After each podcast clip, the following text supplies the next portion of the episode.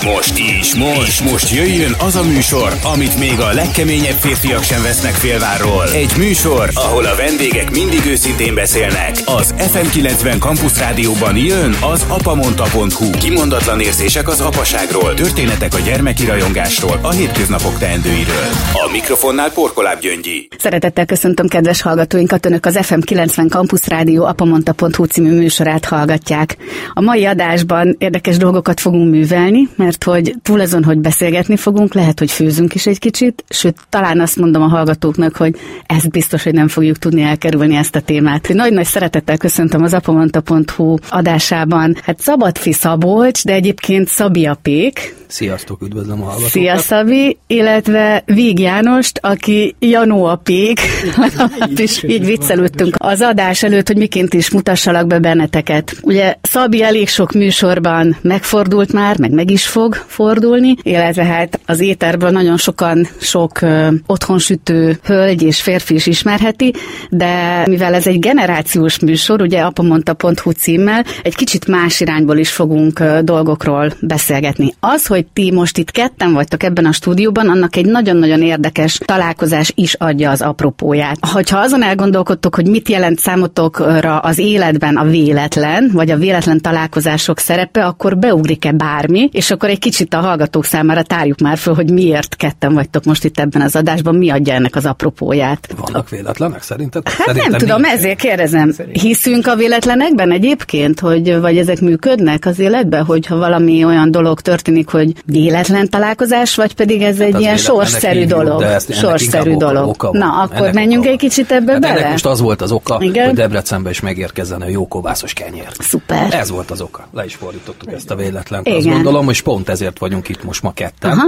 mert hogy ketten vagyunk ennek a lelke, kenyérnek A kenyérnek a lelke, meg a Így van. Mi a- meg a pékségnek, aki, aki próbálja Aha. gondozni ezt a kis, ha már ugye apa mondtáról beszélünk, hogy a mi kis gyermekünk, az egyik, az Igen. a kis kovász, amit életben tartunk. Egyébként a miénk, amivel itt dolgozunk, ez idén már a 106. életévét fogja betölteni augusztusban. Úgyhogy elképesztően jó kis generációkon ívelt át ez a dolog, és végre megérkezett uh-huh. ide fixen Debrecenbe, úgyhogy december 15-én kitártuk a kaput, és azóta is rendíthetetlenül sütünk megállás nélkül minden nap. Ez a Janónak még egy picit furcsa, de már egyre jobban Mhm. Már bele- hogy sütöttök, vagy hogy nyitva van. Ugye ez a Panificcio il Basilico néven futó vállalkozás, de mindjárt ebbe is belemegyünk, engem izgat egy-két dolog ezzel kapcsolatban. Szóval, hogy mi a szokatlan Janónak ebben? Minden Hogy nap ilyen mennyiségben. Tehát a otthonsütés az tökéletesen működik. Hát kicsit más volumen, nem? Valljuk meg őszintén Igen, ezért. Így van. Bár nyilván Szabinál tanultam, meg nagyon sokat segítettem neki Szentendrén, amikor csak uh-huh. tudtam, és ott azért beleláttam, meg bele rázódtam uh-huh. a ö, pékség életébe, de az, hogy ezt élesben, bent, Debrecenben, ilyen volumenben, az szokatlan, de túl vagyunk az elején, úgyhogy Hát és a kenyér volumen nőtt, az alvás volumenet csökkent. Csökkent, Ezt én mondtam az elején, hogy, Hogy lesz, lesz lesz. egy ilyen mellékhatása ennek a dolognak. Ugye, ha valakit ez a dolog beszippant, akkor nagyon sokan megkérdezik tőlünk, tőlem meg aztán főleg ugye mindenféle fórumon, hogy, hogy mennyire vagyok fáradt. Természetesen az ember elfárad ö, ebben azért fizikailag, hiszen ez egy nagyon nehéz fizikai munka, de olyan szeretetet kapunk itt az emberektől, hogy nincs, nincs szükség alvásra. Tehát ezt végig lehet csinálni akár két-három napot is úgy, hogy annyi pozitív energia jön az irányunkba, hogy elképesztő. Mi semmi más nem csinálunk, mint szívünket, lelkünket belesütjük ebbe a kenyérbe, és én azt gondolom, hogy ezt érzik a vevők. Vagyis, hogy vissza is tölt benneteket egy kicsit ez a dolog, mert ugye a klasszikus szakma, pék szakma, az mindenki számára olybá ismert, hogy hajnalban kelnek a pékek, és bizony mikor hajnalban vagy korán reggel indulnak a magyar emberek dolgozni, akkor ugye a pékség talán az első, ahova betérnek jó esetben Ez pontosan kisebb van. településen máshova is, hogy valójában ugye az a fajta áldozatos munka is, ami tulajdonképpen a kenyér készítésben benne van, az valami olyan elemi és ősi dolog, amit talán pici közösségektől, tehát a családtól kezdve egész nagy közösségig, akár egy város vagy település életében fontos, és talán itt ezt lehet látni nálatok, hogy ez, amiről beszélsz, ez a fajta visszatöltés, hogy Így van, hát ugye volt ez a csúnya részéről? betegség, ami Igen. még itt köztünk van, és azért ő abban segített, hogy akkoriban, ugye két évvel ezelőtt nagyon sok ember ember otthon ragadt, eddig félt hozzányúlni ehhez a technológiához. Mindig olvasott már róla, hiszen 8-10 éve azért már begyűrűzött a köztudatba, hogy elkezdődtek ezek a kis próbálkozások itt Magyarországon is, ugye csak kovásszal, teljesen élesztőmentesen, természetesen fermentált elegyel sütögetni, és lett idejük, hiszen ennek a kenyérnek az elkészítésének az egyik legnagyobb hozzávalója az az idő és a türelem. Úgyhogy Igen, ez egy picit megtanította erre az embereket, aztán képzeld el, amikor felnevelték ezt a kovászt egy tíz nap alatt, és a tizenegyedik nap megszületett életük első kovászos kenyere. Na, onnantól kezdve ők nem szeretnének mást fogyasztani. Hihetetlen edukációs folyamat is volt ugye itt a pandémia alatt, amikor te elkezdted ezeket a videókat. De még egy gondolat erejéig annyiban menjünk már vissza itt a kezdetekhez, hogy firtattam itt ezt a fajta találkozást köztetek, de ugye egy embert még megemlíthetünk ebben talán így harmadikként a Tűr Ádám neve ismerős sokunk számára. Volt némi szerepe abban, hogy egyébként így egy közös vállalkozásként gazdagíthatjátok gyakorlatilag a Debreceni gasztronómiai piacot ezzel a csodálatos helyen, mert nem is csak pékséle, ez nem az. Így van, ez a csodás fő volt a kommunikációs csatorna. Ugye? Tehát, hogy kell egy ilyen összekötő kapocs egyébként? Igen, hát vagy... hát ugye Gyanót ő ismert a helyből, Igen. engem ismert ugye a stílusos vidéki éttermiségnek a kereteiből, Igen, a és ugye a svédbe ugye mi nagyon sokszor találkoztunk már, aztán rendezvényeken is sűrűn találkoztunk, és aztán ő mindig mondta, hogy olyan jó lenne Debrecenbe, Szabi, hogyha, hogyha megjelenne ez a jó kovászos kenyér, és nekem van is egy olyan kis kollégám, vagy barátom, aki, aki ezt nagyon-nagyon elkezdte érdekelni, mm. aztán ő, ő magától elment ugye iskolába, elkezdte tanulni ezt a pék szakmát, otthon elképesztő kenyereket sütött. Igen. És, hát sőt, volt egy olyan sztori, jól emlékszem, talán Janú, te mesélted, hogy Tűrádám megkóstolta az otthon készített kenyeredet, és akkor azt mondta, ú, te valami, itt, ezt meg kell mutatni Szabinak, mert ez mintha finomabb lenne, mint amit ő csinál. Tényleg így volt? Igen, Mitől lehetett ez finomabb, vagy mi volt ez a...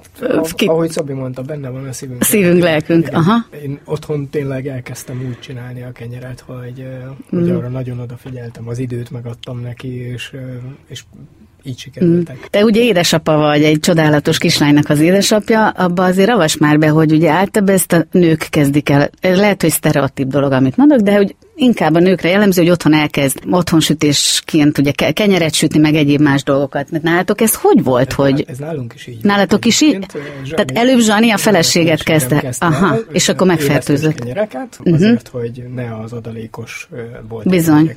vásároljunk. Hát a hányféle elbetű van némelyik kenyérbe, számolhatjuk. Igen, Na, sok. Mm. Nálunk van benne e-liszt, e-víz és e-só. Hát, és e szeretet. és és hát, e szeretet, és e-szabi. Ennyi, ennyi, ennyi kell egy jó kenyérhez, és nyilván az idő az, amit neki meg kell adni. Amúgy a pandémia alatt kiderült, hogy elképesztő mennyiségű férfi süt otthon. Na ezért mondtam, hogy lehet, hogy sztereotíp, de aztán már én is váltottam itt gondolatba, hogy nyilván ma már ez nincs így, de a kicsit, ha ez egy generációs műsor, akkor annó tényleg így volt, hogy a nők csinálták azért a kenyeret, és hogy ennek a fejlődését vagy evolúcióját, ha látja ma az ember, azért milyen messze vagyunk, nem? Nem Szabi attól, ahonnan elindult. És képzeld el, hogy akkoriban a kovász az a hozomány része volt. Tehát ott a anya átadta a lányának, ő vitte a saját Bizony. új családjába, és onnantól kezdve ott élt a, a kovász, és, és abból készítette a családjának a kenyeret. Ugye akkoriban a férfiaknak is másabb volt azért a szerepe, most Olyan. már a nők pontosan ugyanúgy eljárnak dolgozni, mm. sőt, még többet is dolgoznak szerintem, mint a férfiak. Mm-hmm. És uh, rengeteg férfi kezdett el ezzel foglalkozni, a nők maximálisan támogatják őket ebben, hiszen ők is élvezik hát ennek, a, ennek az eredményét, hogy elképesztően jó kenyereket sütnek otthon a férfiak. Addig se járnak kocsmába, tudod, hanem otthon szépen. Hát világos, itt amiről az előbb beszéltünk, kis településen, nagy településen néha reggel másfelé viszi az útja. Mi kell ahhoz, hogy valaki jó kenyeret tudjon csinálni? Tehát mik azok a belső kompetenciák, nyugalom, kikapcsolódás, türelem, kreativitás? Mi a csoda kell ehhez? Hiszen ez egy alapvető élelmiszerünk. Ugye elvileg minden szakember azt mondja, hogy milyen jó lenne, ha mindenki megtanulna kenyeret sütni. Az egy másik dolog, hogy aztán süte mindenki, de hogy egyáltalán miből áll, hogy kell a jó kenyeret csinálni. Hát, Szerinted mi szükséges ehhez? Én, én ugye rengeteg workshopot tartok, és nagyon Igen. sok gyerekkel is foglalkozok, uh-huh. meg, közt, meg felnőttekkel is, mindenkivel is. Mindig elmondom nekik a workshop elején, hogy, hogy el kell, hogy keserítsek mindenkit, ez a szakma nem tanítható. Tehát, hogyha Aha. van hozzá érzéked, akkor ez majd elő fog jönni menet közben. Természetesen azért az alapokat meg lehet tanulni, de utána ezt nagyon-nagyon sokszor kell művelni, uh-huh. nagyon-nagyon sokszor kell csinálni, hogy azokat a nüansznyi kis különbségeket megérezd a tésztán. Meg kell fogni meg kell illatolni. Pont ezért volt nehéz a pandémia alatt interneten keresztül online adásban átadni, hogy milyen illatának kell lennie a kovásznak. Ugye volt ott minden, a felmosoronytól a, a sörös üvegen át, a,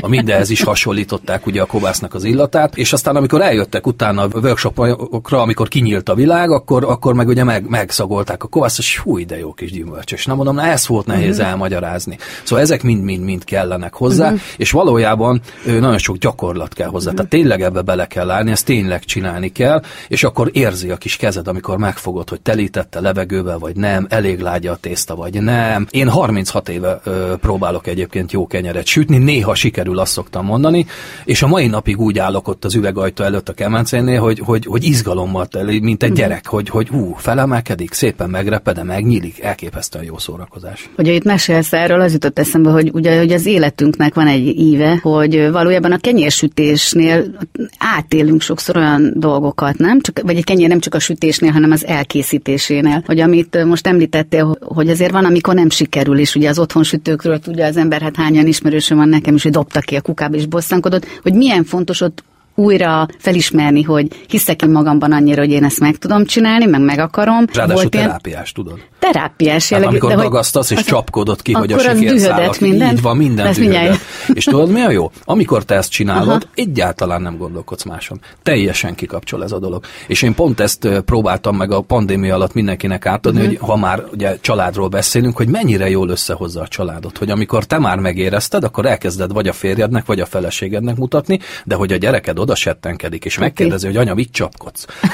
akkor, akkor rá fog jönni, hogy hát azért kisfiam vagy kislányom, mert Igen. hogy ez így ilyen szépen majd Aha. összeáll a tészta, és nézd meg a végén majd milyen jó lesz. Tehát elképesztően jól összehozza amúgy a családokat, az embereket. Biztos. Amúgy alapvetően 24 órán keresztül mm. készül el egy ilyen kenyér, de a nettó munka az nincs több 5 percnél. De az az alatt az 5 perc alatt annyira jól ki tudsz kapcsolódni, hogy nagyon jó. Tehát emlékszem, hogy a mai napig mondják emberek, hogy utaztatják magukkal a kovászt, hogyha elutaznak valahova, ne legyen baj, beviszi a munkahelyére a kenyér Igazi tésztát. társ, nem ilyen ugye, valós társ lesz így van, életben. Így van, és hát éppen ezért családi része. Család, éppen ezért ugye nevet is adnak neki, tudod, amikor, amikor, el, amikor a kovász nullából elkezdett etetni, ugye a kovász az liszt és víz keveréke, és ugye megfermentálódik ez az elegy. Aztán amikor már úgy látod, hogy életre kell, hogy minden nap megduzzad, pöfög, röfög, ö, jönnek az illatok, Igen. etetni kell, ugye, mint egy, mint egy kis háziállatot, uh-huh. vagy mint egy kis gyereket, ö, és onnantól kezdve, amikor már látják, hogy ez egy élő anyagá válik, nevet adnak neki.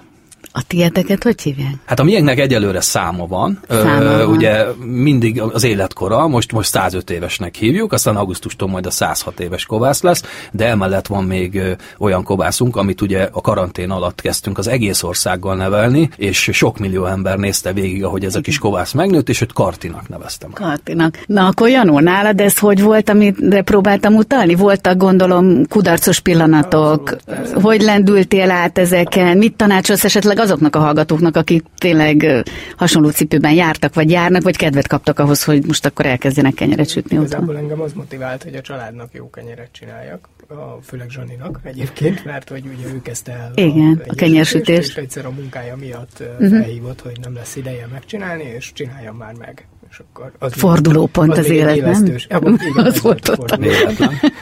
Meg a hölgyek értenek hozzá, hogy a munkát hogy delegálják. Úgy át, hogy, hogy ez a Nem, ez lételeme a nőknek, hogy szeretnek feladatot adni mindenképp. és így kell felfogni. Feljött, hogy csinálja meg, mondtam, hogy já, nem, uh-huh. hagyjál már, majd te megcsinálod, és, de utána jó, mondom, meglepem. Megcsináltam, és nem sikerült. És az mit jelentett, hogy nem volt jó íze, tehát abszolút nem lehetett megenni? Egyáltalán nem. Tehát mert van, amikor annyira kuka, igaz, Szabi? Tehát, hogy... Hát én azt szoktam mondani az otthon sütőknek, hogy akármilyen éget, akármilyen savanyú, hidd el, hogy meg fognak érte dicsérni. Tehát szerintem De rossz jó. kenyeret nem lehet sütni, uh-huh. és én mindig azt mondom, hogy a legjobb kenyeret viszont csak otthon lehet sütni. Most már meg tudja a legjobb kenyeret is otthon az sütni. Biztos, ja, most már, most már egy kicsit hogy állsz egyébként ja, ahhoz, amikor otthon, jó, azóta, hogy megnyitottátok mondjuk ezt a fantasztikus helyet, az mert... otthon nem volt időm sütni. Tehát... Helyes, hát ez így, ez így normál. Hát ez, így...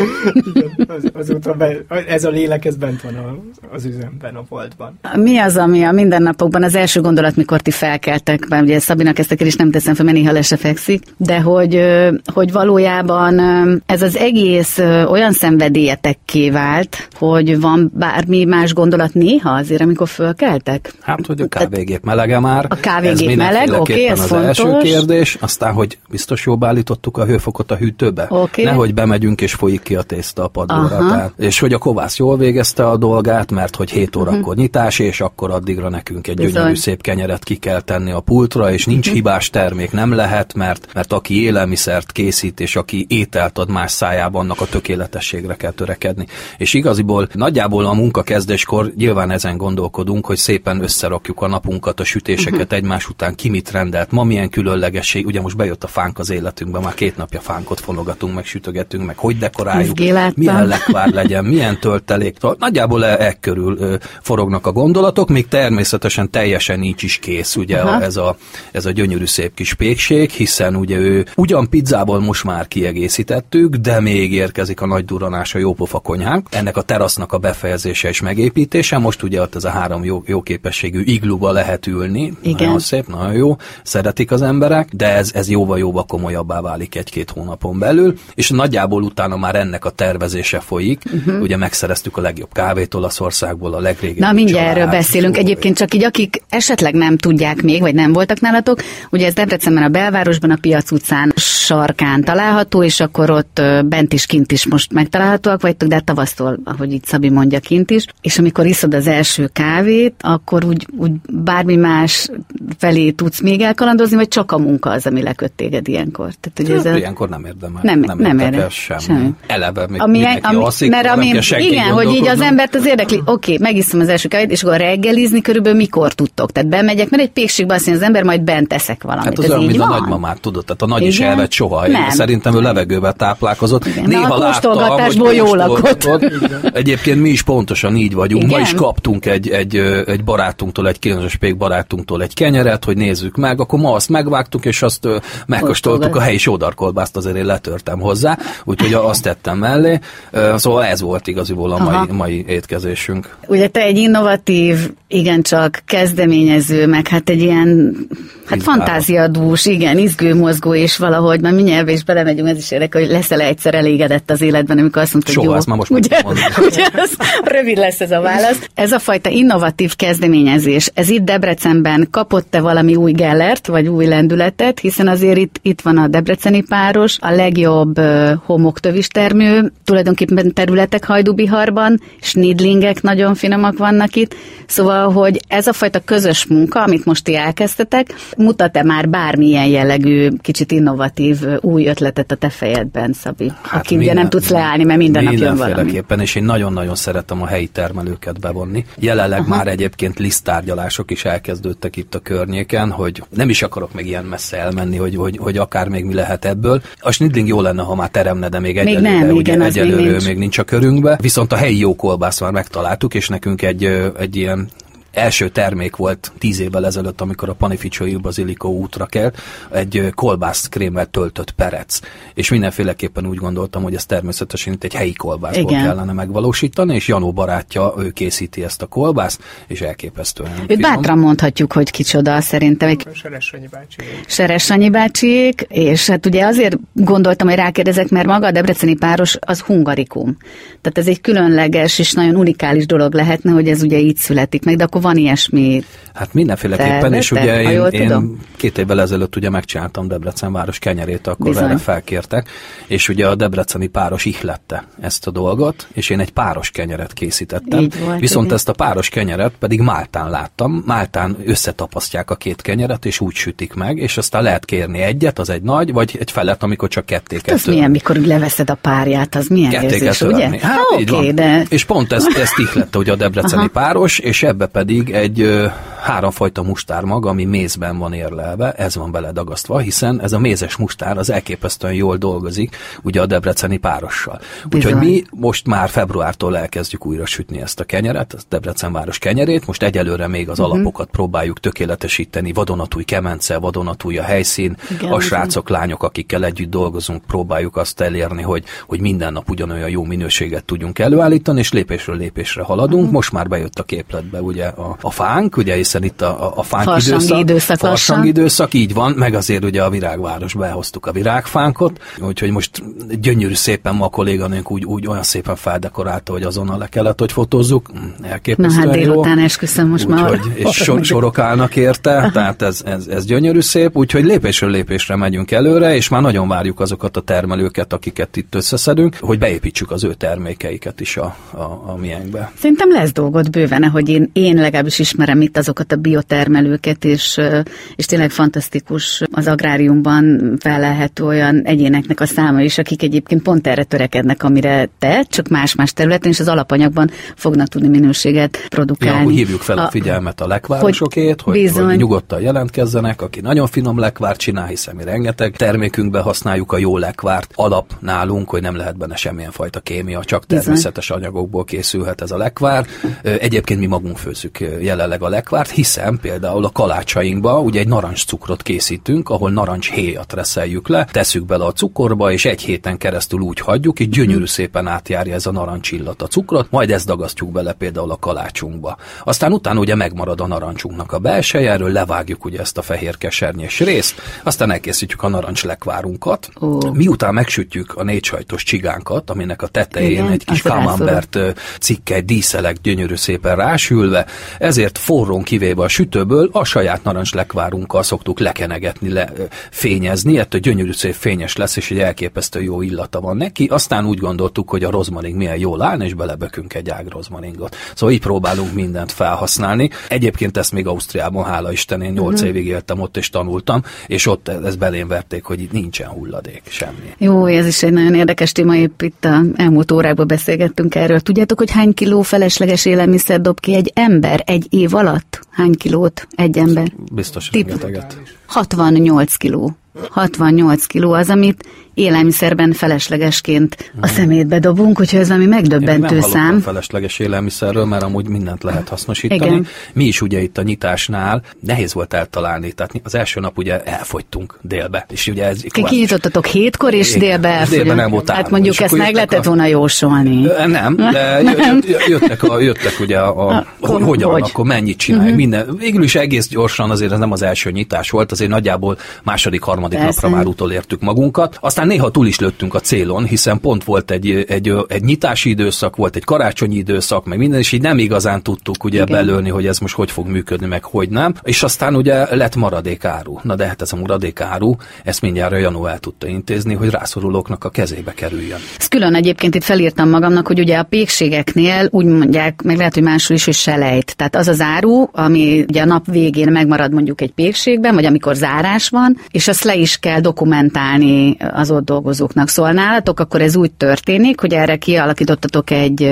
politikát, szemléletet, bármit. Kenyér nincs kukában. Kenyér nincs kell kukában, és Kenyérből akkor- nincsen olyan, hogy selejt, ez nem létezik. Értem, csak ugye tényleg így van, tehát, hogy ezt ö, így... jelenleg kialakulóban van, hogy kinek tudjuk odaadni, Oké. hogyha esetleg ilyen ö, megmarad nekünk. Budapesti üzletekben és a Szentendrei üzleteinkben ott pedig ennek megvan a helye, tehát ö, valamikor, hogyha esetleg annyira elszámoltuk volna magunkat, Igen. hogy, hogy, hogy sok marad, akkor mi elvisszük, akár a Máltai Szeretett Szolgálatnak, Aha. vagy a Vöröskeresztnek. Ha nem, hanem csak az a pár darab, akkor ö, minden este ez az acskóba kerül, és kikerül egy kis asztalkára, és már tudják a helyi lakók, hogy Hogy- bárki oda jöhet és elviheti ezt a kenyeret. Csak azért érdekes, mert ugye most ilyen extra hideg van, meg hidegre lehet számítani, hogy épp most olvastam, hogy vörös kódot jelentettek be, hogy azért az utcán élő, vagy azoknak a hajléktalanoknak is próbáljunk segíteni bárhol az embernek az útjába kerül, hogy az a fajta úgymond társadalmi szemlélet formálás, amit egyébként ti edukációval elkezdtetek a kenyérkészítésével, hogy most, amit elmondtál, Szabi, ez túlmutat ezen, hogy ez,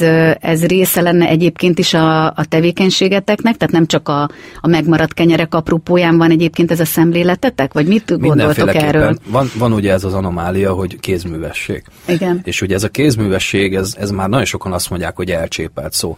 Lehet, hogy nem értik, mit jelent az, hogy kézművesnek lenni. Tehát kézművesnek lenni jelenleg a mai világban szerintem nem kifejezetten az, hogy én most kézzel dagasztok ebbe valamit, vagy kézzel formázok ele valamit. Természetesen mi is ilyen mennyiségű tésztákat gép segítségével csinálunk uh-huh. meg, hanem maga ez a szemlélet. Tehát ez a szemlélet, hogy nincs maradék, hogy becsületesen megvásároljuk ezt jó helyekről, odafigyelünk arra, hogy ne tartalmazon elbetűt, ne tartalmazon kémiát, ne legyen ártalmas. Gondosan próbálunk eljárni, tehát a, a babusgatjuk, ugye, mm. például a kobászos kenyeret is ugye fél óránként, óránként gyönyörű szépen hajtogatjuk, simogatjuk. Szóval ez jelenti azt a kéz és a kézművességhez hozzá tartozik a közvetlen kapcsolat a vevőkkel. Az állandó visszajelzés, amit kapunk tőlük, mi ebből táplálkozunk, uh-huh. ebből építkezünk, és nyilván ez tölt fel minket energiával a következő napra. És még hozzá tartozik az a társadalmi szerepvállalás, ami nagyon-nagyon-nagyon fontos, hogy ha van lehetőségünk, akkor mi mindenféleképpen fogunk segíteni. Tehát mi soha nem szoktuk egyébként kiposztolni semmilyen oldalunkra sehova, hogy uh-huh. hány száz kalácsot ajándékozunk oda karácsonykor a rászorulóknak, amikor volt a pandémia, akkor az orvosoktól kezdve a, a mindenkinek is, de ezt azért nem mondjuk, meg nem kommunikáljuk, mert számunkra ez teljesen alapvető dolog, tehát ez nem is kérdéses. Előttem az utódom, avagy mennyire esett messze az alma a fájától.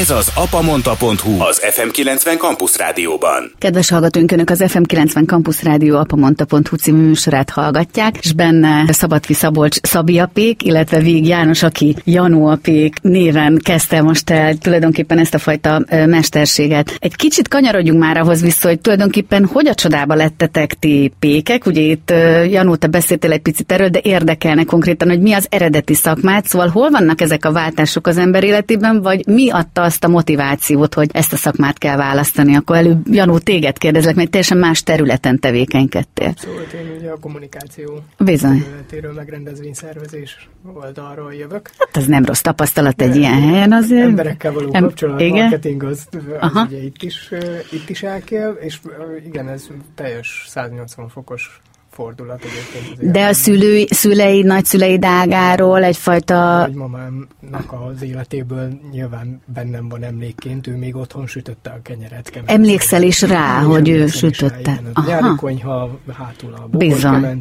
Ami mellett nem csak ültünk, hanem akkor ő ezek szerint ebben sütött Igen, kenyeret. Ő, ő még azt használta. Egyébként nagypapám imádta a süteményeket, és neki két naponta sütni kellett, mert úgy volt, hogy aznap meg másnap még megette, de utána már nem. És azért akkoriban nem ilyen jó kis élesztős kertésztás sütik voltak, vagy legalábbis többnyire. Igen, abszolút. Aha. De, de a kenyeret ugye azt már vázi kovászból készítették, mert Értem. a, ugye akkor úgy hívták, hogy vakarékból a teknőben maradt öreg tésztát szárították, és utána azt tetették föl, és e, tulajdonképpen abból volt a kovász. Úgyhogy nagymamám még így, e, így készítette a kenyeret. Ugye emlékeimben ez élt, de én Aha. már egyébként az a generáció Ugye. vagyok, aki, aki már az ipari kenyérgyárakban készült kenyért nőtt fel.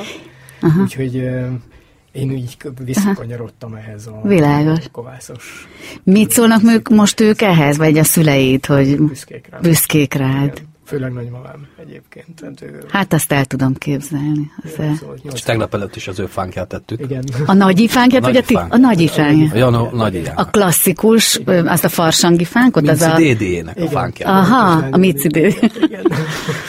De jó. Na, Szabi, és akkor nálad pedig úgy volt, hogy te az ország teljesen másik végében Így nőttél föl, kő, kőszegen, ugye? És akkor utána szombathelyre jártál suliba, de Így hogy... van. De én nagyon messze estem a fától, mert nekem az egész családom okos volt. Tanárok és orvosok doktor-doktor jelzőkkel, tehát, és én meg lettem a pék. Hát de szóval nagyon-nagyon messze. Természetesen ugye- engem is ugye a nagyi Aha. fertőzött meg otthon, hiszen én nagyon rossz gyerek voltam, ezért nem nagyon szerettek a napközibe. Így köteleztek, hogy a nagymamámhoz kell mennem a suli után. De ugye. mi, mi volt, csak kicsit csak avas meg, hogy milyen szőrös voltam. Tehát a Hát, ez a- ez a mindent is, minden? mindent is. Berúgtuk az ablakot, vagy az csak apró? Ezt honnan tudod? Hm, hát csak sejtettem. Amúgy kavicsal dobáltuk, de e, igen, tehát pontosan ilyeneket csináltunk, tehát az igazi, igazi rossz, gyerek, rossz gyerekek voltunk, soha nem voltunk betegek, de nagyon rosszak voltunk, és akkor ugye mi Kőszegen a lakótelepen laktunk, Mhm. a, a város közepén volt az én iskolám, és akkor szembe vele lakott a nagyi, meg a, meg a papi, és e, aztán én suli után ugye köteles voltam oda menni, nagypapámnak volt egy könyvtárszobája, és akkor nekem ott kellett délutánonként tanulni, meg olvasni, és egyébként ez egy nagyon pozitív dolog volt, mert Sokat mennyiségűt olvastam, és képzeld el, hogy édesapám abban az időben volt az első könyvdíler Magyarországon, nem igazán volt pénzünk megvenni a könyvet, de ő a könyvesboltosokkal nagyon jóba volt, és aztán odatták neki, hogy ő olvassa el a könyvet, aztán bevitte a munkahelyére a tanárok közé értékesíteni, és ezért kapott egy kis százalékot. Tehát ő volt az első könyvdíler. Úgyhogy mi gyerekkorunkban csak könyvet uh-huh. kaptunk ajándékban. Nekem soha nem volt legóm, egy darab ilyen törött lábú hintalóban volt össze-vissza. Annak is azért tört el a lába, mert rossz gyerek voltál, vagy amúgy is hát, így kaptad? Hát, szerintem így kaptuk. így, így, így kaptuk. és akkor a, a nagymamám pedig ő ilyen, ő apám főnöke volt egyébként, egy kisegítő is, az édesapám egy logopédus volt, a nagymamám pedig az édesapámnak a főnöke. Aha, ez érdekes uh, nexus lehetett azért ott. A, anyukám Aha, pedig, ő ott volt gyerekfelügyelő, amíg a, amíg a főiskolára járt. Aztán uh-huh. így ismerkedtek meg. Egyébként anyai ágról ugye Pécs és Siklós, édesapám még ők szombathelyi, aztán ugye Szabika, ők őszegen látta meg a napvilágot. És aztán ez így kezdődött, hogy a nagymamám az állandóan kísérletezett almás pitével például, ezért a mai napig nekem a kedvenc ilyen péksüteményem az almás pite, és akkor kezdte úgy tudod, hogy egy centi tészta, egy Hogyne. centi töltelék, hát ez hogyan, sehogy. A végén már 10 centi töltelék volt, és azóta is én szeretem a töltelék hangsúlyos péktermékeket elkészíteni, Bizony. és egyébként én alapvetően állatorvos szerettem volna mindig is lenni, tehát nyilván a legkorábban volt tűzoltó és űrhajós, aztán utána a régész az nagyon tetszett, az bizony, és, aztán, és aztán egyszer csak úgy gondoltam, hogy az állatokkal nagyon-nagyon szívesen foglalkoznék, de ugye annak egy kisvárosban megvan a hátulütője, hogy te az orvosnak vagy az unokája, hogy tőled nagyon sokat várnak el, és akkoriban volt ez, amikor az oroszt kellett tanulnunk, Igen. szétszették ugye gyenge, közepes, erős csoport, tehát én nagyon rossz voltam amúgy oroszból, mert ami nem érdekel, azt nem tanulom meg. Beszélek mm. négy nyelvet, de az orosz nem volt közte, és egyáltalán nem akartam megtanulni, de azért csak beraktak az ötös csoportba, és ez általában úgy lerontotta mindig a jegyemet, hogy nem vettek fel utána Aha. a kőszegi technikumba, és én tényleg viccből jelöltem meg az élelmiszeripari középiskolát, és egyszer csak jött a levél, hogy akkor oda felvettek. Na akkor végül is vannak véletlenek, vagy nincsenek? Hát, vagy egy sorszerűség? Nincsenek, látjátok? Látod. Igen, és akkor igen. apám csak annyit mondott, hú, nem, ő már azért ismert, hogy milyen későn érő típus vagyok, és akkor mondta, hogy hát nem baj, legalább egy tiszta szakmát választott a gyerek, és nekem óriási mázlim volt, tehát amikor én elmentem, én akkor megszívtam, mert reggel 4-20-kor indult a vonat kőszegről, tehát három kellett kelni ahhoz, hogy kiérjek, tehát én nem tudtam egy normálisat aludni így a 48 évem alatt. Hát meg bulizni se vagy haverokkal, hát, nem nagyon. Nem hát ők szoktak oda jönni a pékség ablakában, adtak ja, ki nekik a meleg kiflit, persze, Hajnalban. még ők szórakoztak, igen. De azért, de azért tehát kiéltem ezt persze. a dolgot, tehát hála Istennek, hogy azért, azért benne voltam ebbe uh-huh. is. És aztán az oktatóim, óriási hálával tartozok nekik, olyan szeretettel adták át ezt a szakmát, és valami, ez az alkotási vágy, ez egyébként mindig bennem volt. Ha gyurmából, gyurmából, ha fából, fából, de itt meg képzeld el, hogy lisztből, vízből, meg sóból elképesztő dolgot uh-huh. lehetett létrehozni. És a legszebb az, hogy ezt utána emberek fogyasztották, és azok az emberek boldogok voltak. Na hát ez adott egy olyan löketet, hogy ez indított el ezen a pályán. Elképzeli az ember nem azt a felismerést, amikor valakihez ez elérsz, hogy semmi másra nem vágynánk, vagy a gyerekeinknek nem akarnánk mást átadni, csak valami olyan hivatást találnak meg, amiben ezt, amit most Szabi elmondott, ezt, ezt magáénak tudja. És ugye hát van egy sor ilyen hivatás, az orvoslástól kezdve sok minden, ahol visszacsatol, ha az ott ezt a fajta örömteli jelet adja. De hát most itt beszéltünk egy kicsit már a gyerekekről is, meg a családról. Ugye Janó, nálatok még picike a, a lányod, de hogy, hogy megfigyeltük sokszor, hogy generációkon át azért valami csak átadódik, vagy átöröklődik. Ugye, Szabi, neked van több gyermeked, és ha én jól tudom, a két nagyobbik lányod, de az egyik biztosan már ott serte perté, vagy, vagy besegít a vállalkozásba? Vagy nekem kicsit mesélj már. sok gyerekem Sok van, nek öt. Öt. Jól de tudom, így van, öt. de ebben három saját, Igen. és kettő ugye a párom ö, által van. Hát a, a legnagyobb igaz, a fejen nagyobb már, mint én. A legnagyobb lányod már? Nem, ő fiam, ő a fiam, Jó, fiad, a bocsánat. fiam. Uh-huh. Dalma Dávid Dominik, ők úgy vannak, és Hanna uh-huh. és Kata, a két uh-huh. kicsi lány. Szóval ők, a nagyok, a, a Dominik, az elképesztő, olyan két méter magas. Ő egyébként vezeti a teherautót a cégbe, és irányít, és, és csomagol, és pakol, és, és csinálja, már uh-huh. szépen belefolyik ebbe a dologba. Kislányomnak hívom a Dalmát, hiába ő a középső, de hát azért ő a, ő a, ő a lány. Igen. Ő pedig, ő a leveles tésztát készíti nekünk. Tehát amit itt is eszünk, azt Igen, ezt megsukták nekem, ezt én most tudtam Igen. meg, hogy azért így visszacsatolódott. Így van, és aztán a, aztán a pici fiam, ő még csak 17 éves, ő, ő természetesen most ő gimnáziumba jár, de ő szerintem ő jó eladó lesz, vagy ügyvéd, tehát ő Aha. ez a típusú gyerek, ő nem igazán szeret hozzányúlni dolgokhoz, bár a fánsütésben amúgy mindig szokott uh-huh. segíteni, és a piacon való értékesítésbe is nagyon, és hát a két kis picike, ugye a Hanna és a Kata, ők pedig euh, még csak élvezik a gyümölcsét, mert uh-huh. hogy nagyon szeretik akár a fánkot, akár a kakaós csigát, tehát reggel, amikor mennek a suliba, akkor csak melegen fölkapják ezeket a dolgokat. A korai bevonódás szerintetek mondjuk egy-egy ilyen szakmánál fontos-e? Lehet, hogy költői a kérdés, mert persze, hogy fontos, de nálatok akár ilyen családi mintaként mennyire jelent az meg, hogy próbáltak titeket terelgetni vagy irányítani,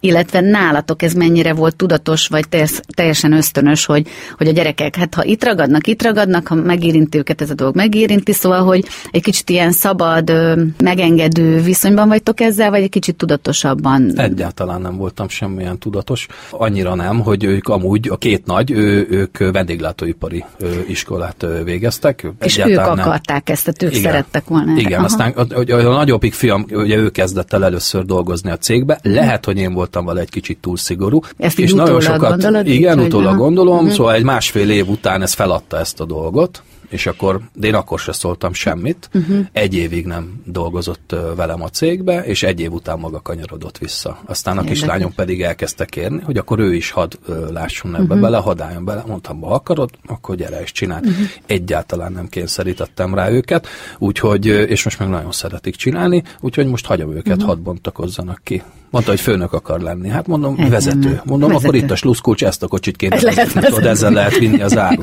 Ez nem lehet. Hát mondom, azt nem lehet csinálni, hogy én a főnök fia vagyok. Mondom, azt lehet csinálni, hogy elmész és összesöpörsz. És mondom, utána majd szépen lassan uh-huh. fej, végig lépkedsz a ranglétrán. Uh-huh. Egyébként én, én azért ilyen ridegtartásba tartok mindenkit általában magam körül. Kevés a dicséret, mert hogy nálam alap. Ugye Aha. én is maximalista vagyok, és ezt elvárom magamtól, és nem értem, hogy te miért nem csinálod meg. Tehát ugye várják, várják, Hogyne, Hogyne. rajtuk a dicsér. Néha azért természetesen dicsérek, de, de, de azért én, én ebben nagyon kemény vagyok. Mert magadnak akarsz igazából a legjobban megfelelni.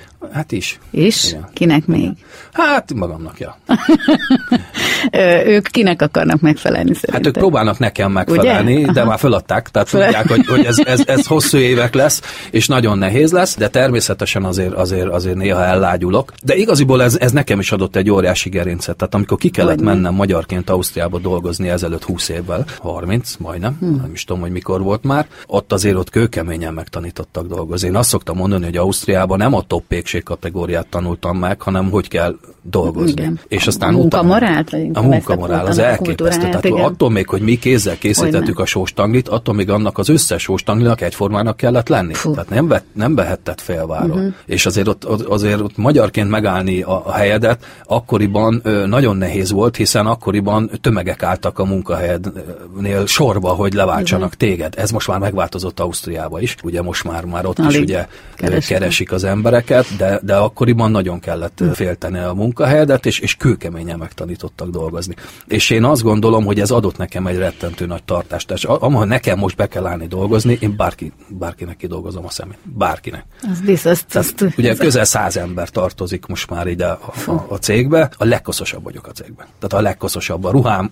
Néztem így rád, hogy most persze hát mit az, akarsz mondani, de értem, sokan jönnek tárgyalni, tudod, hogy akkor hogyne, beszélnének a főnökkel. Hát mondom, mindjárt szólok neki. Mert ugye nem, nem tudjuk, tudod, hogy ez a kis lapás hülye gyerek, aki tiszta retkes, tudod. Úgyhogy, de én, én ezt, és ez ad nekik egy nagyon-nagyon komoly gerincet. Én azt gondolom, hogy ez a jó fajta uh-huh. nevelés. Az én, nem biztos, hogy ez így van, én így gondolom, meglátjuk. Meglátjuk. A lányodról beszéltünk itt, ugye, mennyi, hány éves ő most? Hat.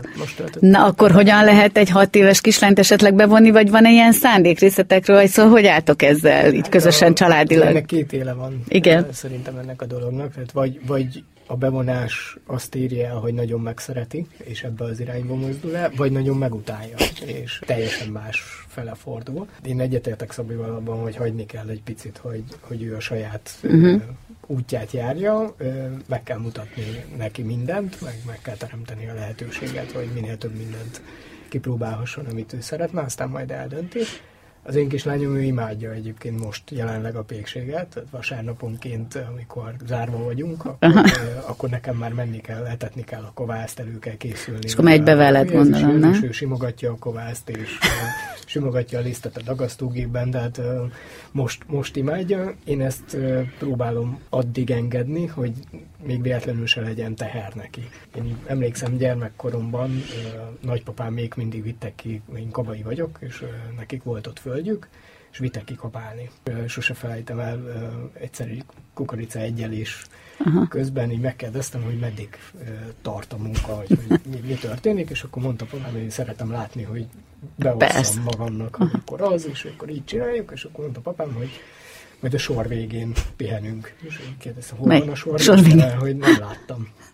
és akkor egyszer így mondtam papámnak, hogy nekem ebből elegem van. Azt mondja, de miért vagy, miért gondolod? De ezt mondtam, hogy papa, szerintem a földmunka az olyan megalázó. És akkor így mondta, hogy nem, ez teljesen másképp kell felfogni, viszont mondta, hogy ha ezt nem szereted, akkor kezdjél el tanulni mert ha nem, akkor kétkezű munkából kell megélni. Az ott engem eltántorított ettől, vagy elindított abba az uh-huh. irányba, hogy akkor tanuljak. Egyébként ezt én nem tudtam Szabiról, hogy ő állatorvos akart lenni, mert én is. Na, gyerekek, halleluja, már megért, hogy leültünk itt ebbe a műsorba.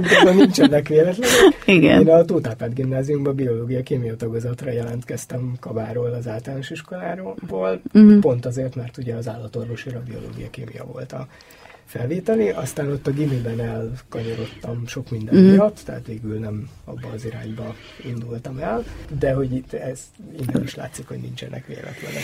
Ez izgi, de hogy milyen érdekes lehet mondjuk az üzenete azoknak a hallgatóknak és azoknak az ifjúszülőknek, akik esetleg iskolában azt várják a gyerektől, hogy kitűnő legyen, és mindenből ötös. És nagyon sokszor sokfelé beszélgetünk ilyen dolgokról, hogy Persze elvárás, meg a tanár azt várja, meg a szülő, hogy jól teljesítsen a gyerek, de talán nem az lenne a legfontosabb. Tehát egy jó négyes teljesítménnyel, egy hármas négyessel is valaki elérheti azt, hogy, hogy boldog ember legyen felnőtt korában, és azért ebben ti rendkívül jó példát, mintát mutattok a környezeteteknek. Úgyhogy azért is örülök ennek, hogy itt így beszélgetünk erről.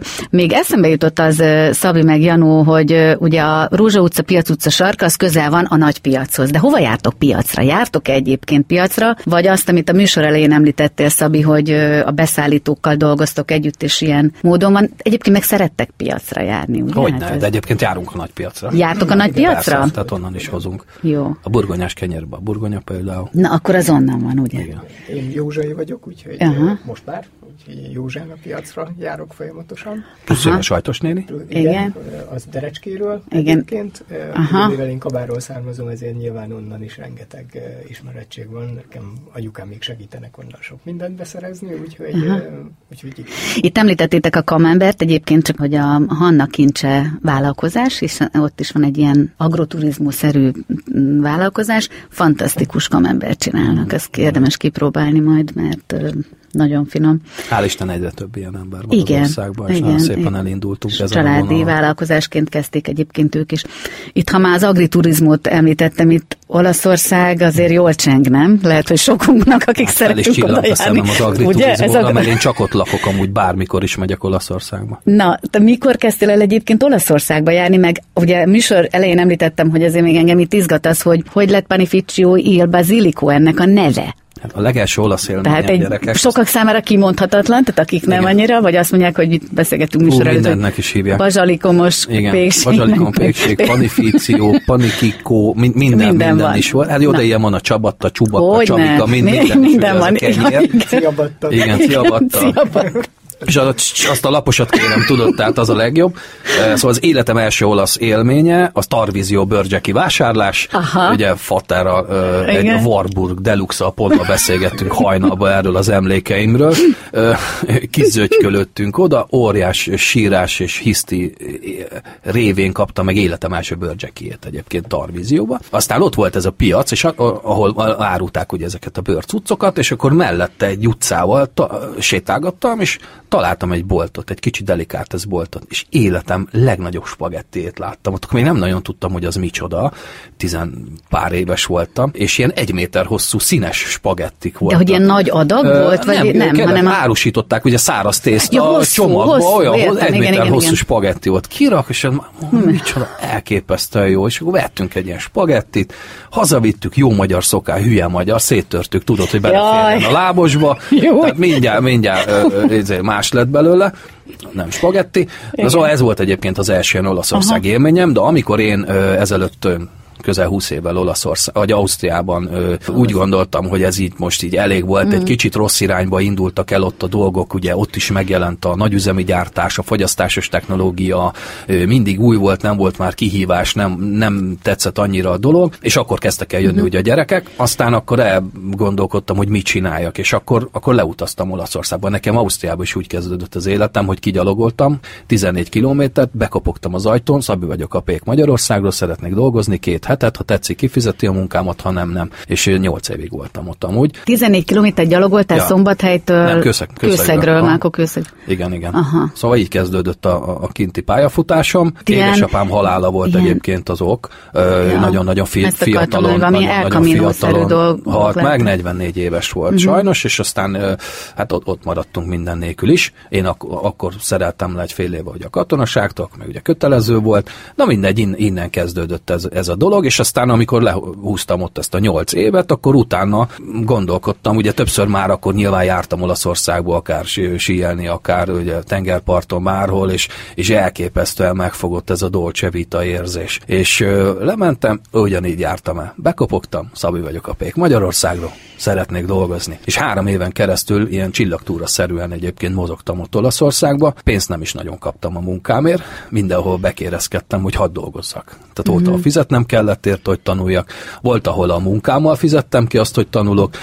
Mindig, Janónak is azt mondom mindig, hogy nagyon nehéz ezt tanítani ezt a dolgot, és nekem is a mesterek mindig azt mondták, hogy nézd engem, nézd a kezemet, és hogyha megkérdezik, a válaszoljak, válaszolnak rá, de hogy nehogy azt higgyem, hogy ő most majd nekem a tanárom lesz, uh-huh. és reggeltől estig velem fog foglalkozni. Na, így verték belém egyébként, és az előbb említettem, hogy Ausztriába dolgozni tanultam meg, és aztán megjött a szív, megjött a piacozás, megjött az életérzés Olaszországba, ahol viszont jóval kevesebb fajta terméket készítettek, de elképesztő lazán, uh-huh. elképesztő lazán. Amíg Ausztriában mondom, a sóstangilag mindegyiknek tök egyformának kellett lenni, Nagyon. itt a Csabatta, ahogy esett, úgy huppant. Annak pont olyan amőbe formája volt. Azt mondja, ők nem foglalkoznak azzal, hogy egalizálás. Nincs egy fél kilós kenyér, meg kilós kenyér, Tényleg nem nincs. volt régen. Elmész Milánóba a piacra, és jönnek a pékek 6 és 12 kiló közt van a vállukon a kenyér. Mert hogy azt mondják az olaszok, hát kérek egy két centis darabot. Levágja, földobja a mérlegre, és gramra pontosan kifizeti a péknek az árát. A pék is jól jár, és a vevő is jól jár. Nincs az, hogy majd fagyasszuk már a felét. Tehát elképesztően jó. Na, és meg a tészta is jól jár, ma nem kell bántani. Hát bizony. Nehéz volt neked egyébként ehhez alkalmazkodni, mert azért ez egy erős váltás. Ugye más kultúrája van mind a két országnak, bár azért ugye az osztrákok ott az észak-tiroli részen Igen. be, hogy mondjam, bevonódtak azért az, az olasz kultúrába, de hogy, hogy azért ez, ez teljesen szöges ellentéte ugye a két dolog, de hogy ez, ebből te tudtál egyfajta egységet magadban, ha hát belegondolsz. Ez mindig mert, bennem ugye? volt ezek szerint, uh-huh, tehát azért igen. én ennek örülök, hogy én egy pici városból, Kőszegről származtam, és azért ott, ott, ott is voltak, akkoriban is voltak termelők, és ami még nagyon gyönyörű ebbe a városba, ugye becsületkassa, tudod, ami ki vannak igen. rakva a kis székek, rajta igen. befőttes üvegóval pénzbe kell dobni, és el kell venni a terményt. Szóval azért ez bennem volt, és ezt megtaláltam Olaszországba, és az, azok az élmények, hogy, hogy sütöttünk éjszaka, mm. hogy hajnalra mentünk, ö, aztán fölöltünk erre a kis háromkerekű Piaggio-ra, az életemért küzdöttem folyamatosan, hát tehát a vállam leért a kanyarba, amikor kanyarodtunk vele, elképesztő halálközeli élményeim voltak, amikor kimentünk, és képzeld el, kimentünk a piacra, jött a mozzarellás ember, adtunk neki kenyeret, adott mozzarellát, a másik adott paradicsomot, közben egyébként otthon a, a pékségben már fel volt fűtve a fatüzelésű kemence, Aha. a piacot letudtuk ilyen 10-11-ig, hazamentünk, elkezdtünk abból, amit ott kaptunk csereberébe, termékekből pizzát sütni, majd eladtuk a pizzát ilyen egy óra ott, és utána kezdődött a siesta. Aztán este kezdtük megint előről. Nagyon tetszett.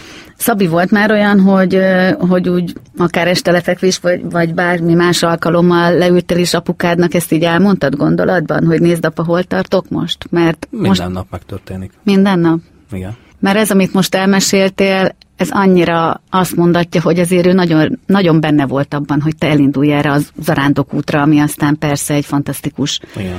Nincs olyan földrész, ahol nem sütöttem egyébként eddig, talán a, a, az északi sark, ott, ott még nem, ott a kovász elég nehezen élne meg.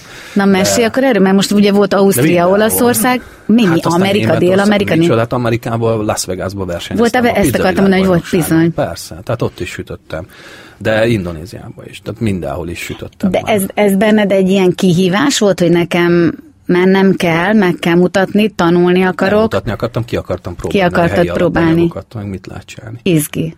Most is van nagy tervem, most ki akarok jutni megint Indonéziába, csak most, most megint olyan sok a munka, hogy egyszer nem tudok Hát elszabadulni. például Debrecenben elindítottál egy vállalkozást, Például igen, és, és természetesen becsületesen itt kell lennem, és, és meg kell csináljuk, de van olyan terv a fejemben, van, most találtam olyan lehetőséget, Aha. hogy el lehet menni oda, és ott megkérdezték ugye, hogy kinek mi a szakmája, mondtam pék, és akkor oké, erre lehet tanítani ott az embereket egy hétig, majd utána egy hétig lehet egy kicsit nyaragatni. Szóval valami ilyesmit. A családra se tudok normálisan elmenni sehol, elmentünk Hát, hát, Máltára, igen. és mondta az emberke, hogy ugye kibéreltük a ház, és mondták, Igen. hogy hú, a holnap izé festa van, és akkor, de, hogy azonnal izé be fog zárni minden, menjünk már. És akkor megyek oda, a, a, hogy akkor gyorsan Igen. Vegyünk bármit, kenyeret, vagy élelmiszert, hogy legyen nekünk, és látom, hogy egy szúnyogháló, koszos szúnyogháló, és éreztem az illatot. Ajaj. mondom, bekukkantok. Na, és ott volt egy pékség. Ott ragadtál. Hát mondom, ezt nem hiszem, mert bementem, és akkor mondtam, ben volt egy ikerpár, ilyen 60 év körüli ikerpár, ilyen picike kis emberkék, és akkor mondtam neki, Szabi vagyok a pék Magyarországról.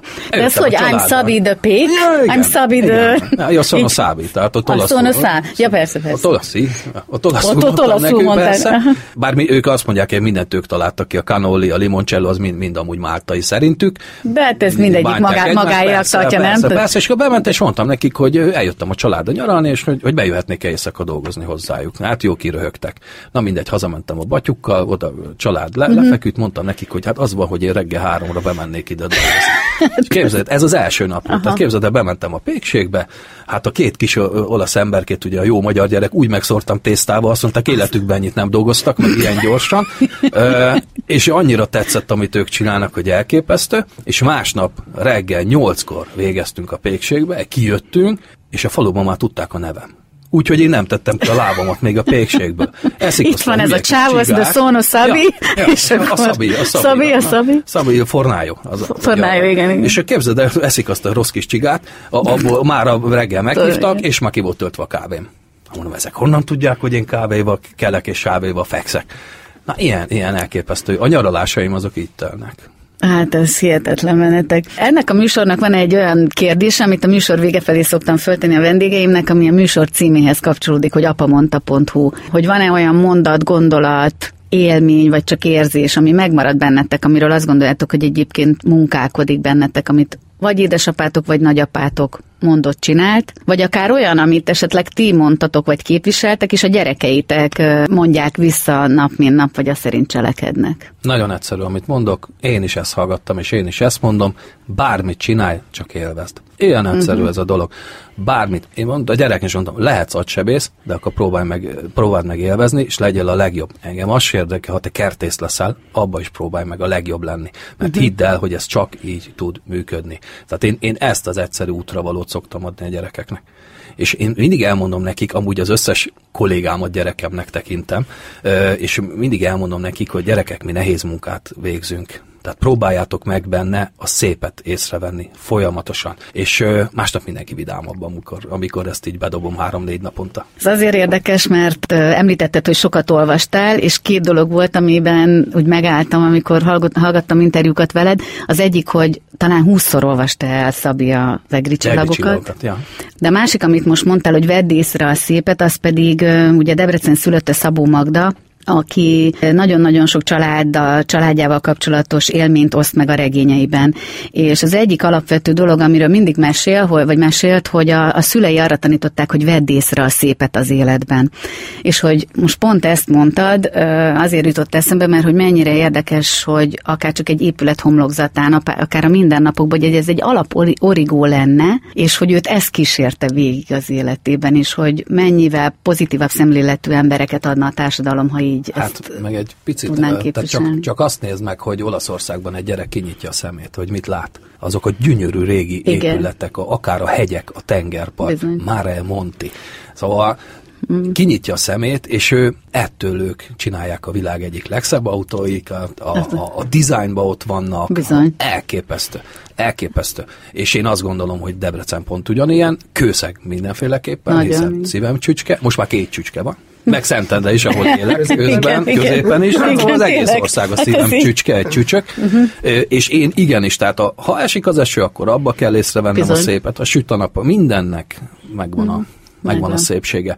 És hogyha próbálod ezt így élni, akkor nincs semmi gáz. Akkor elfáradtam, hát elfáradtam, oké, okay, de mondjuk két hét múlva jön ide egy csapat gyerek Miskolcról, akik rászorulnak, és segítünk majd nekik uh-huh. tanulni, meg a szakmát bemutatni, uh-huh. és azok úgy fel fognak minket uh-huh. vidítani, hogy elképesztő. És már kaptam tőlük címert, már két évvel ezelőtt is voltak, szóval nagyon jó volt. Egyébként adok nektek még egy jó ötletet. Én ugye évek óta állami gondoskodásban nevelkedett gyerekeket is segítünk, vagy támogatunk programok szintjén, és most azt hiszem, hogy vagy 200 gyerek fog jönni korcsolyázni a nagy templom elé. Azt hiszem, hogy január 31-én.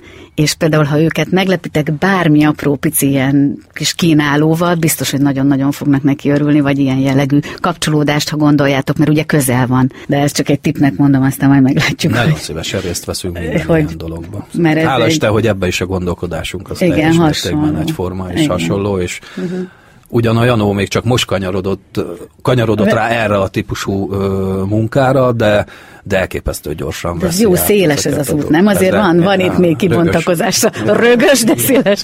Igen. Janó, neked milyen mondat, gondolat, történet ugrott be, amíg mit beszélgettünk? Hát, nekem ugyan nyilván most a kislányom az, aki fontos, és ugye hat éves lett, ezért iskolaválasztás kellős közepében uh-huh. vagyunk, és ez egy ilyen nagyon fontos dolog. Ugye az óvéban jönnek az anyukák. Tani, tanító nénit kell, jót kell. igen, ez, ez is nagyon. Nekem, nekem csúnyán mondom, de uh-huh. az olyan nagyon fontos volt, hogy ne versenyistálóba adjuk, uh-huh. bár eszméletlen okos, nyilván mindenkinek a gyereke nagyon okos, de...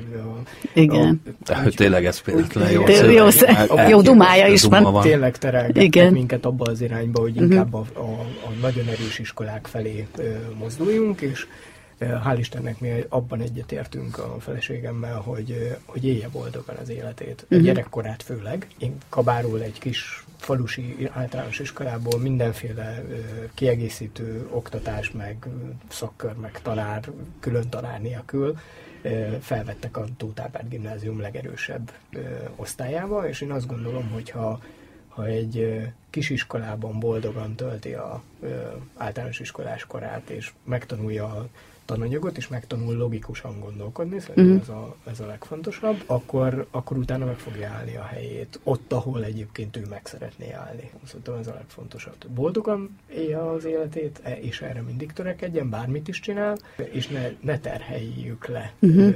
mi szülők. Az elvárásokkal? Igen, igen. az elvárásokkal. Uh-huh. Hogy ne, a mi legnagyobb feladatunk, hogy szeretetet adjunk neki, mert ő akkor tud kibontakozni. Tehát legyen egy tök biztos háttere. Ez nem kifejezetten uh-huh. anyag, inkább érzelmi háttér. Az, az pont ez, amit mondasz, hogy uh-huh. kicsi iskolából, én is ugye lakótelepről jövök Bizony. Kőszegről, tehát akkor is volt egy olyan érzelmi biztonság, ami, ami elképesztően jó volt. Egyébként ezért is voltak jók a könyvek belebújni, tudod, vagy már akkor is egy nagyon vizuális gyerek voltam. Szóval szerintem nekünk így apáknak pont ez a lényeg. Aztán mondom, hogy ő mivel akar majd foglalkozni, azt majd ő eldönti. Uh-huh. Adja magát még egy kérdés bennem, hogy abban egyetértünk, hogy a kenyérnek van lelke. Abszolút júliusban a kenyérlelkén ott lesz a Panificio il Basilico debreceni üzlete. Is kérdéses. Ugye? Oké. Okay. Elsőként voltunk felkérve, hogy é, legyünk. Hát úgy, ez hogy... még szép. Van-e bármi majd, ami speciális is készültök, gondolom a nyára? Tehát lesznek újdonságok hát addig már? Már hónapra készülünk. Már, már hónap? Jövő héten mi lesz. Jó. Annyi, ak- annyi ötlet van, hogy ak- elképesztő. uh, nyilván uh, azért hála Isten, hogy akkor már egy olyan szezon lesz, hogy, hogy el leszünk kényeztetve ugye a természet által, úgyhogy eddig is mindig színesek voltak a standjaink. Az biztos, de... igen. Na mert hogy ugye vidéki helyszínként most 2021-ben volt először, vagy lépett ki a budapesti helyszínről a Kenyérlelke Fesztivál, amelynek egyébként a fehér kenyér versenyét azt hiszem, hogy te nyerted a fővárosban, ezt jól tudom? Ő, már többször, már többször, is. többször is. De most utoljára is én. Hát de, ezt, igen. De, én... de, de, de, de már ami egyébként is nyertem már. Hát igen, mert hogy Szabia Pék nyer egy ilyet, miközben ez egy óriási teljesítmény, mert azért az a legnehezebb, ugye? Hát az a legnehezebb, hát és ez a hetedik kenyérlelke fesztivál Bizony, volt, és Budapesten, az elsőbe igen. tudtam megnyerni a Meg, fehér kenyeret, és most, most kellett igen. azért várni egy pár évet közte. Bár szerintem mindig én nyertem, de ezt ők másképp ugye? látták. De hát valaki másnak mindegy, is kellett nyerni. Nem mindegy, persze, nem tehát gyönyörű emberek elképesztő termékekkel indulnak, ami a legszebb, hogy ez az ez ne olyan komoly versenynek képzeljük el, hogy ez vérre megy, hanem itt igazi kovászbarátok állnak össze, és, és hozzák a kis termékeiket, és mutatják be magukat, és paroláznak emberekkel, és beszélgetnek malmokkal, megjelent most már a perifériából a, a, akár a termelő is, ugye ott mm. voltak a malmok, ott volt például a burgonyát ültető ember, Bizony. szóval á, nagyon jó, nagyon jó Na, ezt buli. azért csináljunk egy kis hírverést is majd ennek, mert hogy van egy otthonsütők versenye is, ugye ennek a fesztiválnak, tehát van a, a úgymond profi pékeknek is a versenye, de hogy az otthonsütőknek is, tehát lehet készülni akár olyannak is, aki most vág bele ebbe, mert hogy? Ti kedvet csináltatok, vagy kedvet csináltunk ehhez, hogyha ez így van. Hát köszönöm szépen nektek ezt a beszélgetést. Én nagyon élveztem, noha azt mondtam az elején, hogy főzni is fogunk, azt hittem, hogy sokkal több ilyen receptszerű dologról lesz szó, de... Hát nagyon hát szívesen elmondjuk, hogy sokkal... Melyik receptet? De mégis, tehát még egyszer Ugye? mondom, tehát liszt, víz, só. Igen, Ennyi. és és, a, és én a pizzánál pedig megtanultam tőled, hogy azt meg, ha jó pizzát akar otthon készíteni az ember, akkor egy nappal előtt érdemes a vizet áll, állni, hagyni. Tehát hát az a víz, ami kell hozzá. Egy állott víz, igen. igen. Érdemes a víz, a víz, így van, vagy lágy vizet kell szerezni hozzá, és az, az nagyon, nagyon jót tesz neki. Tehát, hogyha nagyon klóros a víz, az senkinek nem, nem tesz szépen. jót, uh-huh. és a fermentációs folyamatokat is visszafogja. Uh-huh. Tehát érdemes azért egy, egy lágy vízzel, vagy egy állott vízzel dolgozni. Volt Lelke még? egyébként a, hát a, a kovász biztos. mellett a víz, a pizzánk, és senki nem hiszi el, nagyon-nagyon fontos a jó víz hozzá.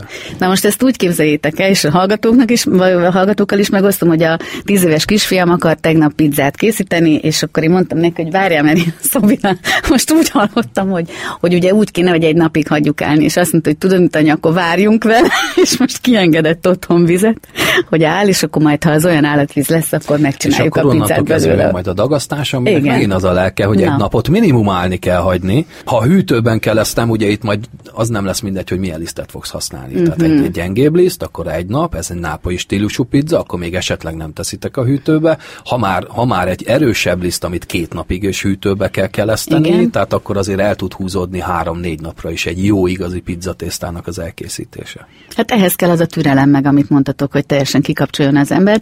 Illetve még az a fajta innováció, amiről úgy szintén beszéltünk, hogy lehet olyat csinálni, Szabi, hogy tulajdonképpen ami otthon van, akkor gondol egyet az ember, és akkor azt feltétként egy kicsit ott variál a pizzán, mert hogy ezt tőled lehet.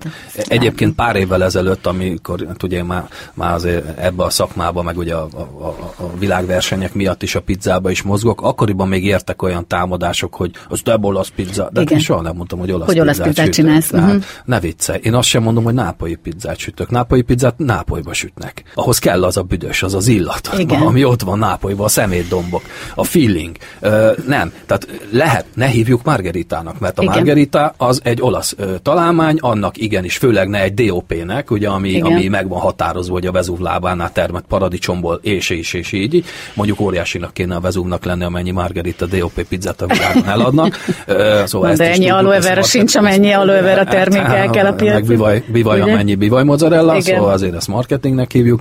Szóval én nem. Én azt gondolom, hogy az otthoni pizzár bármit is rásüthetsz, az legyen egy jó alapanyag, és ami nagyon-nagyon fontos, hogy nem meleg szendvicset készítesz, hanem pizzát, szóval nem kell telepakolni a pizzát, Bizony. érezd a tésztát, érezd a feltéteknek külön az ízét, és ezek legyenek harmonikusak. Ez nagyon fontos. És együk meg a szélét is, nem? Ahogy ne, abban van a levegő, ami, ami serkenti az emésztést. Így van. Bizony. Na hát figyelj, még hallgattalak volna itt benneteket, de hát a műsoridőnek sajnos vége.